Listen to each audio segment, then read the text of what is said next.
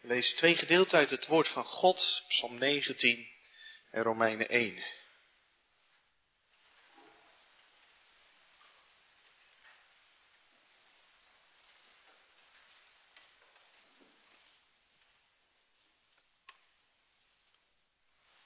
Psalm 19 en Romeinen 1.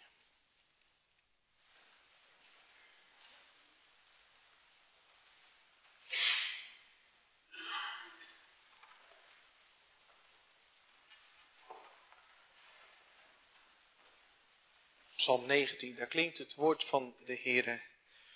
Een psalm van David voor de koorleider. De hemel vertelt Gods eer. Het gewelf verkondigt het werk van zijn handen. De ene dag spreekt overvloedig tot de andere, de ene nacht geeft kennis door aan de andere. Geen spreken is er, geen woorden zijn er, hun stem wordt niet gehoord. Hun lichtlijn gaat uit over heel de aarde, hun boodschap tot aan het einde van de wereld. Hij heeft daar een tent opgezet voor de zon en die is als een bruidegom die zijn slaapkamer uitgaat. Hij is vrolijk als een held om snel het pad te lopen. Aan het ene einde van de hemel is zijn opgang, zijn omloop is tot het andere einde. Niets is verborgen voor zijn zonnegloed. De wet van de Heere is volmaakt. Zij bekeert de ziel. De getuigenis van de Heere is betrouwbaar. Zij geeft de eenvoudige wijsheid. De bevelen van de Heere zijn recht. Zij verblijden het hart. Het gebod van de Heere is zuiver. Het verlicht de ogen. De vreze des Heere is rein. Ze houdt voor eeuwig stand. De bepalingen van de Heere zijn waarachtig. Met elkaar zijn zij rechtvaardig. Zij zijn begerenswaardiger dan goud, ja dan veel zuiver goud, en zoeter dan honing en honingzeem uit de raad. Ook wordt uw dienaar daardoor gewaarschuwd, in het houden ervan ligt groot loon. Wie zou al zijn afdwalingen opmerken? Reinig mij van verborgen afdwalingen. Weerhoud uw dienaar ook van hoogmoed, laat die over mij niet heersen, dan zal ik oprecht zijn vrij van grote overtreding. Laat de woorden van mijn mond en de overdenking van mijn hart welgevallig zijn voor uw aangezicht. Heere, mijn rots en mijn verlosser.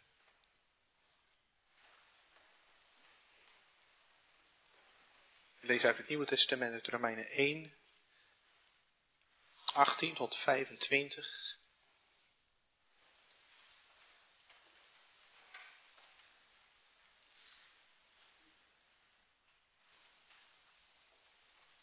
Romein 1 vers 18, want de toon van God wordt geopenbaard vanuit de hemel over alle goddeloosheid en ongerechtigheid van de mensen die de waarheid in ongerechtigheid onderdrukken. Omdat wat van God gekend kan worden hun bekend is. God zelf heeft het hun immers geopenbaard. Want de dingen van Hem die onzichtbaar zijn, worden sinds de schepping van de wereld uit zijn werken gekend en doorzien namelijk en zijn eeuwige kracht en zijn goddelijkheid, zodat zij niet te verontschuldigen zijn. Want zij hebben, hoewel zij God kennen, hem niet als God verheerlijkt of gedankt. Maar ze zijn verdwaasd in hun overwegingen en hun onverstandig hart is verduisterd. Terwijl zij zich uitgaven voor wijzen, zijn zij dwaas geworden en hebben zij de heerlijkheid van de onvergankelijke God vervangen door een beeld dat lijkt op een vergankelijk mens op vogels en op viervoetige en kruipende dieren. Daarom ook heeft God hen in de begeerten van hun hart overgegeven aan de onreinheid, om hun lichamen onder elkaar te onteren. Ze hebben de waarheid van God vervangen door de leugen en het schepsel vereerd en gediend boven de schepper die te prijzen is tot in eeuwigheid. Amen. Tot zover het woord van de Heer. We lezen ook uit de Nederlandse geloofsbelijdenis, artikel 2.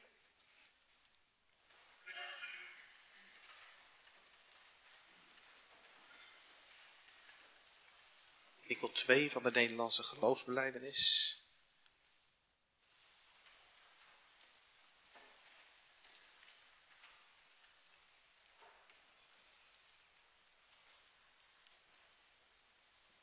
In dat artikel gaat het over door welk middel de Heere God door ons gekend wordt.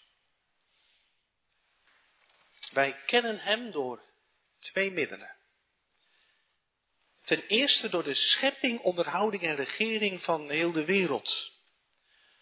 Omdat die voor onze ogen is als een schoon boek, waarin alle schepselen, groot en klein, als letters zijn, die ons de onziedelijke dingen van God geven te aanschouwen. Namelijk zijn eeuwige kracht en goddelijkheid, zoals de apostel Paulus zegt in Romeinen 1, welke dingen alle genoegzaam zijn om de mensen te overtuigen en hun alle onschuld te benemen. Ten tweede geeft hij zichzelf ons nog helderder en volkomener te kennen door zijn heilig en goddelijk woord. Te weten zoveel als ons van noden is in dit leven tot zijn eer en de zaligheid der zijne. Tot zover de Nederlandse geloofsbeleidenis. Geloof jij in God?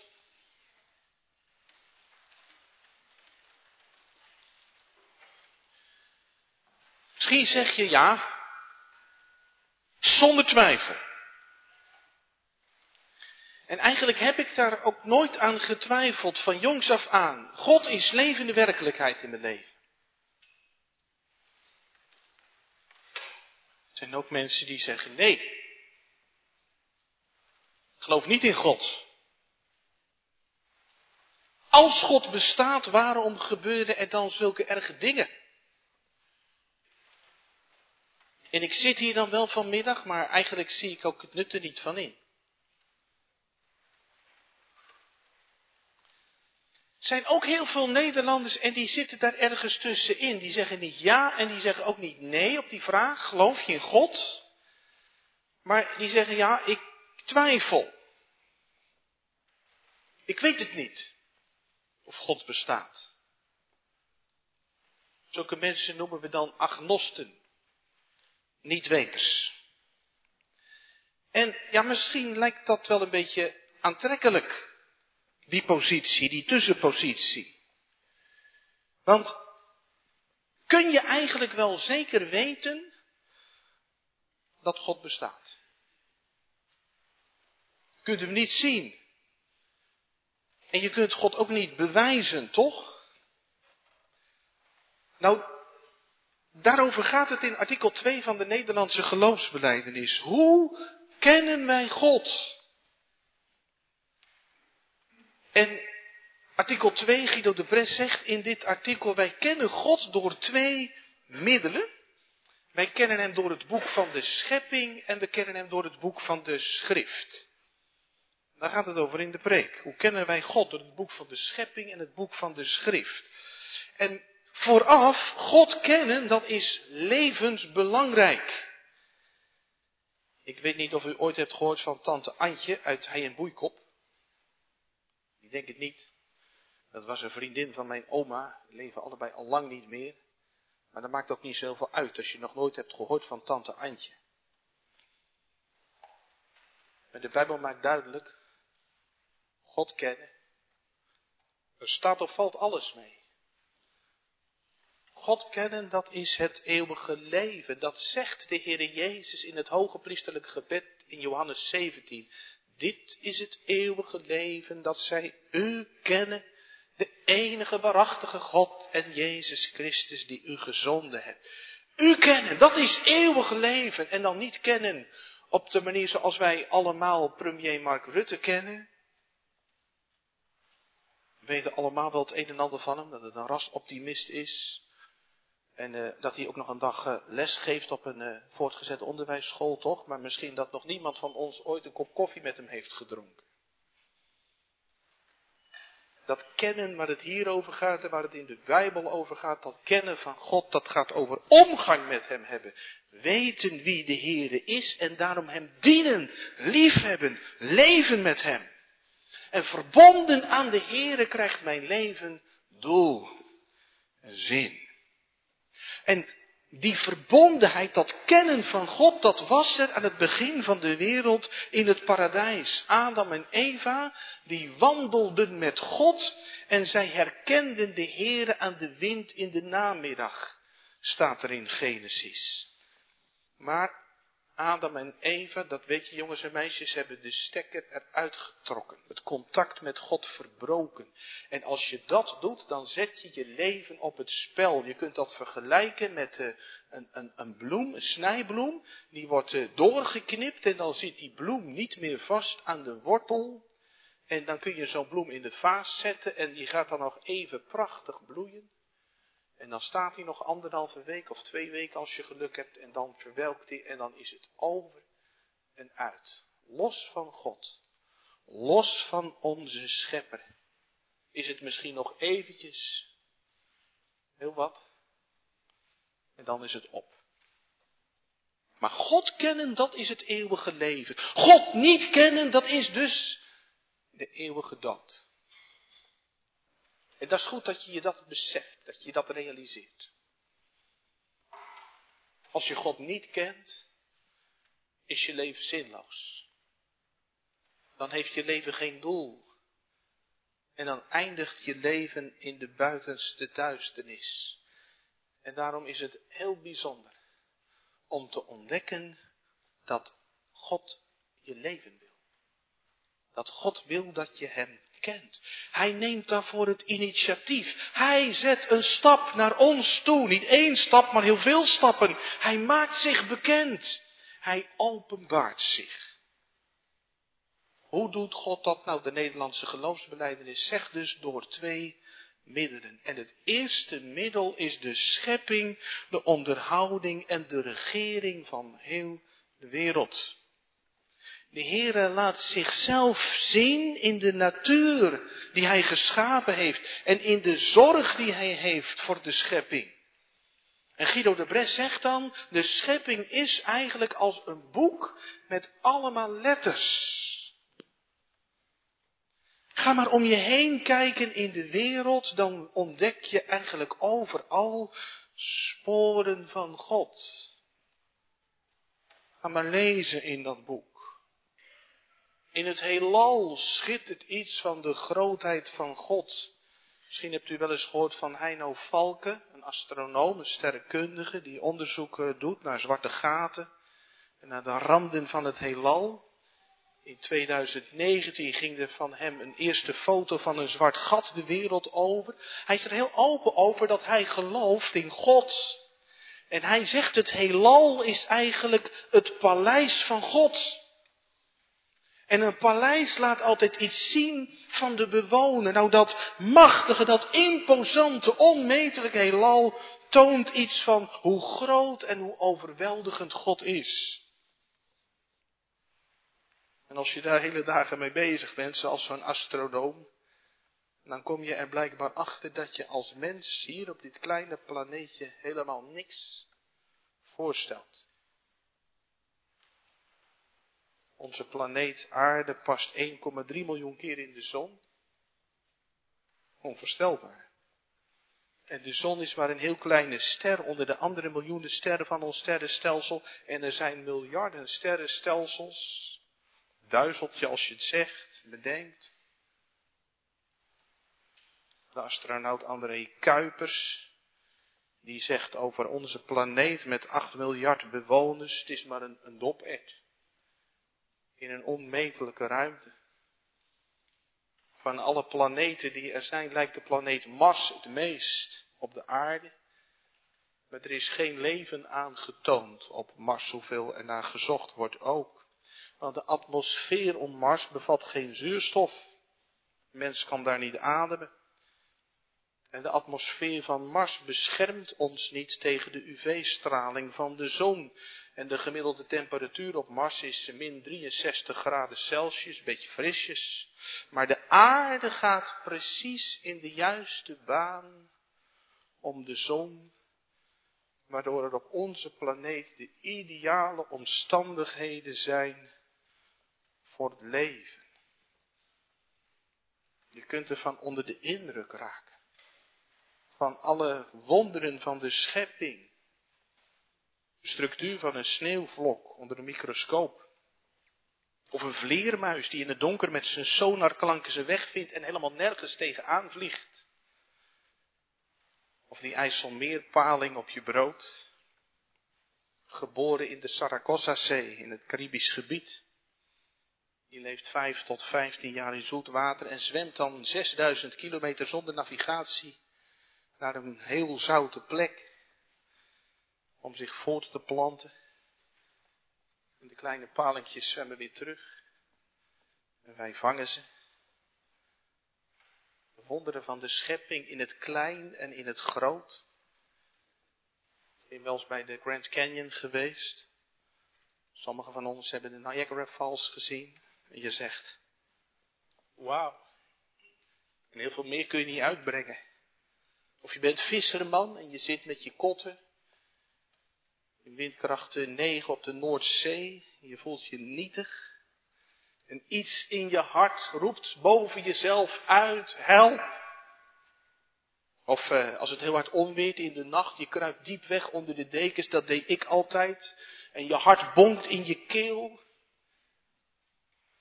In zo'n bliksemflits is het tot 30.000 graden. En zo'n flits heeft de snelheid van 60.000 kilometer per uur. Onvoorstelbaar. Of als je eenmaal de geboorte van een kind hebt meegemaakt, vergeet je je leven niet meer. Hoeveel mensen zeggen niet, nadat ze een bevalling hebben meegemaakt, er moet wel iets zijn. En onvoorstelbaar om te bedenken van al die 8 miljard wereldburgers zijn er geen twee met hetzelfde DNA. En niemands vingerafdruk is identiek. En, en ook nog eens een keer van al je tien vingers zijn ze verschillend. En het netvlies van je oog, dat heeft 7 miljoen kegeltjes en 120 miljoen staafjes, die elke seconde miljoenen seintjes zenden naar onze hersenen. En zo zien we. En de biologie ontdekt voedselketens, waardoor plant en dier elkaar in leven houden. En uh, er valt regen, er zijn droogperiodes, er is wind, zon, wolken, zodat de aarde vruchtbaar wordt. God geeft de seizoenen die ieder jaar weer terugkeren, dag- en nachtritme, zon en maan. Je kunt nu al heel eenvoudig opzoeken hoe laat vandaag over 100 jaar de zon opkomt.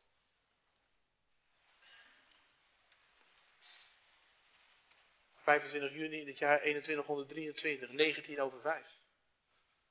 Onvoorstelbaar. Als je wil opzoeken hoe laat gaat mijn trein over 100 jaar... ...vergeet het maar. God toont zijn grootheid en majesteit in de natuur in de onderhouding van de natuur en in de regering. De vinger van God die schrijft geschiedenis. Al die rijken die er de eeuwen door geweest zijn, van Napoleon en Stalin en Hitler en Saddam Hussein. En noem ze allemaal maar op, waar zijn die rijken gebleven? Die zijn ingestort en het volk van Israël bestaat nog steeds. Een staat in het Midden-Oosten, ondanks al die eeuwenlange belaging. En de kerk van God houdt stand tegen het woeden in. En waar de kerk het krachtigst wordt vervolgd, daar groeit de kerk ook het sterkst. Denk aan Vietnam. Als je dat allemaal even op je in laat werken, hoe de wereld in elkaar zit en hoe de wereld onderhouden wordt en hoe de loop van de geschiedenis is, zou dat nou allemaal toeval zijn? Geloof je het zelf, zeg je dan toch? Was wel eens gehoord van intelligent design. Theorie van uh, hoe de wereld in elkaar zit, dat kan het best verklaard worden als we ervan uitgaan dat er een ontwerper is. En dat moet toch wel? Iedereen met een beetje verstand die zegt dat toch? Was wel voorbeelden gehoord die daar een beetje aan raken. Stel dat je naar het Rijksmuseum in Amsterdam gaat en je staat voor de nachtwacht. En je denkt, oh ja, wie heeft dat ook alweer geschilderd? En er staat iemand bij en die zegt, nee, dat heeft niemand geschilderd. 300 jaar geleden is er een verffabriek ontploft en nou ja, dit is het resultaat.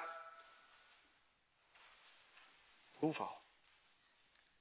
Dat klinkt zot, maar zo zot is het ook als mensen zeggen, er is lang geleden een knal geweest en toen had je dit, dit is er eigenlijk uit voortgekomen. Lees het boek van de schepping. Kijk maar eens rond. De schepping verwijst naar haar schepper. En dat mensen zeggen, als ze rondkijken in dat boek van de schepping, er moet wel iets zijn, ja, dat ontkent de Bijbel niet, hè? Dat zegt de Bijbel zelf ook, dat God de eeuw in ons hart heeft gelegd. Dat God de eeuwigheid in ons hart heeft gelegd. Een besef van er is meer. Iets gaat ons mensen te boven. En dat zie je ook overal bevestigd waar je komt op aarde. Waar je ook naartoe gaat, overal zijn religieuze mensen. Overal zijn mensen bezig met dat meer. Oude Egyptenaars hadden de zonnegod Re. De Filistijnen die knielden voor Dagon. En de Romeinen en de Grieken die hebben een heel pantheon. En stammen in Afrika doen aan voorouderverering. En als je in Azië woont, is de kans heel groot dat je hindoe bent of boeddhist.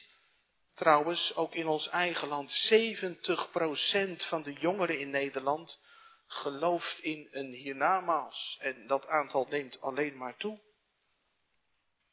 Een soort walhalla zonder God.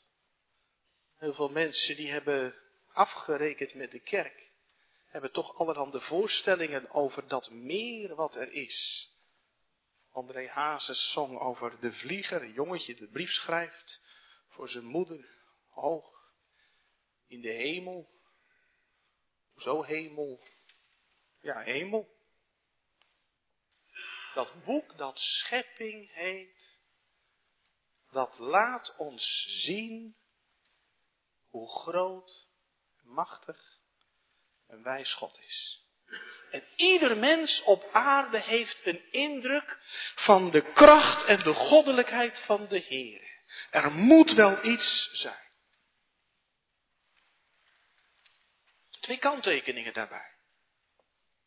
Want dat boek dat boek van de natuur, dat boek van de schepping, dat is beschadigd. Of je zou het ook zo kunnen zeggen, er is gekrast in dat boek. Je kunt het niet meer goed lezen. Er zijn letters onleesbaar geworden. Door de zonde is de natuur niet ongeschonden. Want er zit ook een keerzijde aan al dat moois om ons heen, hè? Denk aan de wereld van de roofdieren. Het recht van de sterkste lijkt te gelden worden kinderen geboren met een handicap, met een ernstige spierziekte. Er gebeurde vreselijke natuurrampen toen wij op tweede kerstdag 2004 zongen over de liefde van God. Toen gebeurde er aan de andere kant van de wereld die afgrijzelijke tsunami. Die aan 227.000 mensen het leven kostte. Mensen doen elkaar op onze planeet de vreselijkste dingen aan. Denk aan Auschwitz. En denk aan Darfur, waar een genocide stap voor stap dichterbij komt. Dat boek van de schepping is beschadigd, er is in gekrast. En nog iets, wij hebben ook oogproblemen als wij willen lezen in dat boek. Door de zonde is onze blik vertroebeld. Calvijn vergelijkt het met iemand die op leeftijd gekomen is en uh, zijn ogen zijn achteruit gegaan. Al houd je zo iemand nou het mooiste boek voor, hij kan het toch niet lezen. We hebben een oogprobleem. En dat is schuld. Wij willen het boek ook niet goed lezen. Dat is wat Paulus zegt in Romeinen 1, dat gedeelte wat we hebben gelezen. Wij mensen onderdrukken de waarheid in ongerechtigheid. Uit de werken van de schepping, zegt Paulus daar, zie je de eeuwige kracht en de goddelijkheid van God. God laat weten dat Hij er is. Maar je drukt God weg uit je leven. Als je misschien ook wel eens doet als je je mobiel voelt te trillen in je broekzak. En je denkt, wie zou dat zijn? En je denkt, oh, dat is pa of ma. Nou, dan komt even die handig uit. Die wil ik nu even niet spreken. En je drukt hem weg. Terwijl ze misschien wel iets leuks willen vertellen aan je. Zo drukken mensen God weg uit hun leven. Ja, niet alleen maar wegdrukken, zegt Paulus. Wij vervangen God. Wij vervangen de schepper door beelden, door afbeeldingen. Hoewel ze God niet kennen, hebben ze hem niet als God. Hoewel ze God kennen, hebben ze hem niet als God verheerlijkt of gedankt. Ze zijn verdwaasd in hun overwegingen. Ze hebben de heerlijkheid van de onvergankelijke God vervangen door een beeld Baal, Wodan, Sin, de maangod. Dus die sporen van God in de schepping, die zijn beschadigd door de zonde. En onze blik is vertroebeld door de zon.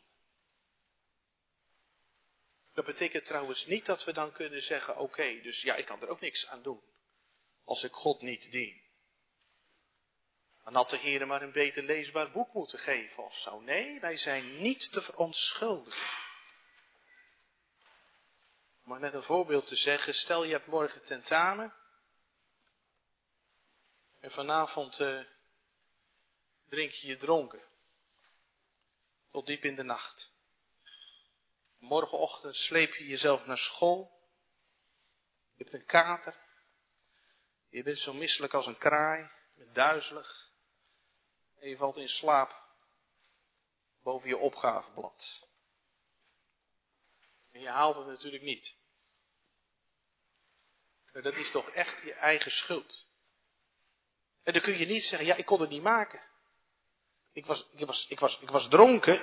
Ik, ik vind dat het goed gerekend moet worden. Ik, ik vind dat ik een voldoende moet krijgen. Nee, het ligt niet aan die toets. Dat je hem niet gehaald hebt. Maar het ligt aan jou. Zo zijn wij niet te verontschuldigen. Dat onze blik vertroebeld is, dat is schuld. Dat heeft te maken met onze keus tegen God. En dat er gekrast is in de schepping, dat er scheuren lopen door de schepping, dat komt door ons. Nou, en daaraan merk je al hè, dat dat boek van de schepping niet genoeg is om God te kennen. En als je alleen met dat boek God zou willen dienen, dan krijg je ook hopeloze brokken. Als je vanuit de werkelijkheid zoals die nu is conclusies zou trekken over God, nou ja, dan kom je misschien wel uit waar ook Hitler uitkwam, hè? Met zijn rassenideologie, het recht van de sterkste. En alles wat gehandicapt en mismaakt is en anders is, dat ruimen we op. Dat leidt dus tot afgrijzelijke dingen. Wij moeten ook tegengesproken worden. Gaat niet aan dat ik in mijn leven zeg, waar is wat voor mij waar voelt, wat voor mij goed voelt. Nee, ik moet ook tegengesproken worden. Wij hebben ook dat tweede boek nodig, wat Guido de Bren noemt. Het boek van de schrift. Uit dat boek van de schepping, dat noemen we de algemene openbaring, ontdekken we dat er een God is. Maar door het boek van de schrift, de bijzondere openbaring, ontdekken we wie God is. En dat boek, dat heb ik nodig om zalig te worden. Want de Bijbel zegt, ieder die de naam van de Heere zal aanroepen, zal zalig worden. Nou, ik denk dat jij ook nog nooit naar de wolk hebt gekeken en dat je toen ineens zag dat die wolken de naam Jezus vormden. Toch? Maar die naam heb je wel nodig. Die naam moet je aanroepen om zalig te worden. En die naam die geeft God ons door zijn woord. was een verhaal over een jongen die een strandwandeling maakte. En terwijl hij daar liep, kwam hij zijn ouderling tegen. En die ouderling die zei, fijn dat ik je zie. Ik mis je al een paar weken in de kerk. En toen zei die jongen, ik ga niet meer. En die ouderling vroeg, hoezo niet?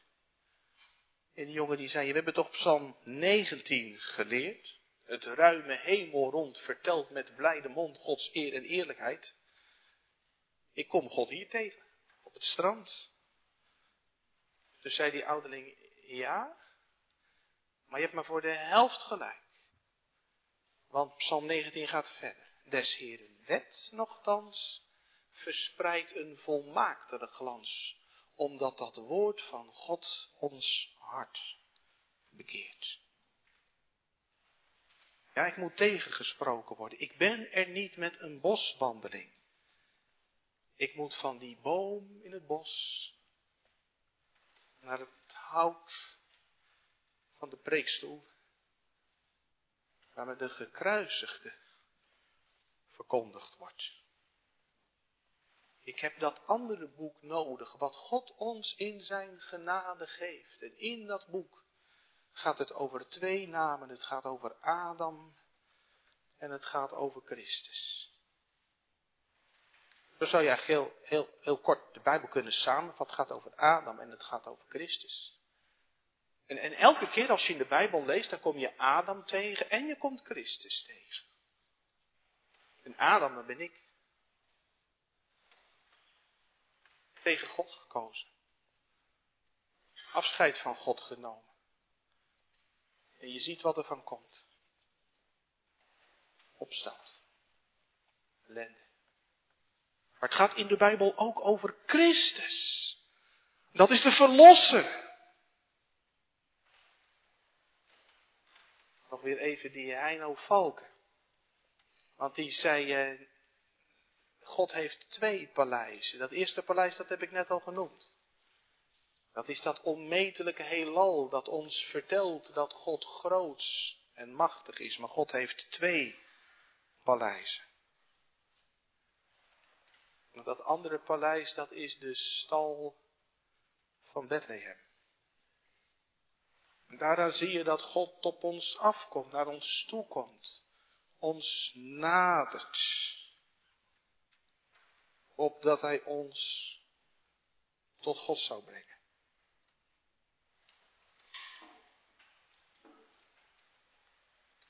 En je ziet wat er van komt als je zonder het evangelie probeert een weg te maken naar God. In al die andere godsdiensten, dat zijn allemaal zelfverlossingsgodsdiensten. Als je probeert om met dat wat je van God kunt kennen uit de wereld, om daarmee een weg naar God te banen. Allemaal zelfverlossingsgodsdiensten.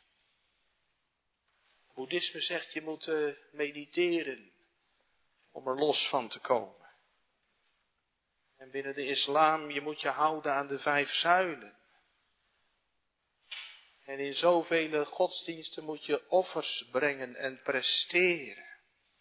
Maar de Bijbel laat mij zien dat het van mij uit onmogelijk is om de relatie met God te herstellen. Wat ik er ook voor over zou hebben. Al zou ik kluizenaar willen worden de rest van mijn leven. Al zou ik al mijn geld ervoor over hebben.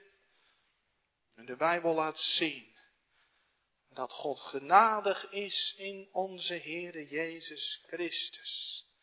En dat ik zalig word door het geloof in het werk van Hem. En daarom die één heel belangrijke vraag. Lees jij je Bijbel? Ben je jezelf tegengekomen in de Bijbel? Erachter gekomen dat het niet, niet goed met je gaat als je zo doorgaat. Dat je om genade ging bidden. Net als die uh, tollenaar in de tempel. Oh God, wees mijn zondaar genadig. Dat je oog kreeg voor de Heer Jezus Christus, het lam van God. Dat de zonde van de wereld wegdraagt. Weet je, als je gaat lezen in dat boek van de schrift. Daar wil de Heilige Geest in meekomen. Die wil je overtuigen van de waarheid van het woord. En daarom bidden we in de kerk voordat we de Bijbel open doen. Altijd om de Heilige Geest, die de vonk laat overspringen, zodat je erdoor geraakt wordt, dat je niet alleen maar geraakt wordt door de geboorte van je kind, maar dat je geraakt wordt door de geboorte van het kind, Jezus Christus. En dat je er onder de indruk komt. Niet alleen van de grootheid van God, maar van zijn barmhartigheid. Dat hij nou zo lief die gescheurde, gekraste wereld had. Dat hij zijn enige geboren zoon gaf, opdat ieder die in hem gelooft niet verloren gaat, maar eeuwig leeft. Gemeente, wij beseffen niet half hoe bevoorrecht we zijn. Dat God ons zijn woord geeft. Dus heel even over nadenken. In dit deel van de wereld bent geboren. Misschien de meeste van ons in een christelijk gezin. Gedoopt.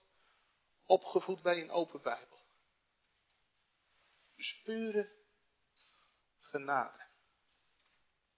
Heren, ik zou ook Boeddha volgen als ik in Bhutan leefde. En ik zou ook Wodan dienen als ik 1500 jaar geleden hier geboren was. Heren, u doet geen onrecht. Als u al die mensen veroordeelt die u wegdrukken uit hun leven. Maar ik had daar ook bij kunnen zijn als u niet genadig had ingegrepen. Heren, dat u omkeek naar mij. Dat u mij genadig hebt opgezocht. Ja, dat roept dan natuurlijk ook vragen op, hè. Hoe zit dat dan met al die mensen die nooit het evangelie hebben gehoord? En de Bijbel zegt dus dat wij niet te verontschuldigen zijn. Ik kwam een eh, opmerking tegen van Spurgeon. Die zegt, sommige mensen huiveren ervan wat God zal doen met hen, die nooit Gods woord gekend hebben, en die zo zullen sterven. Maar, zegt Spurgeon dan, weet je waar ik nog veel meer van huiver?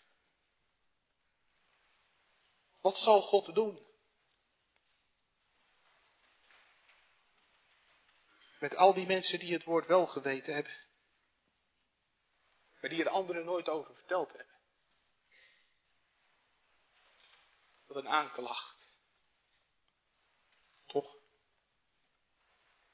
Want wat is onze schepper het waard? Dat wij hem kennen, erkennen, voor hem leven, hem dienen.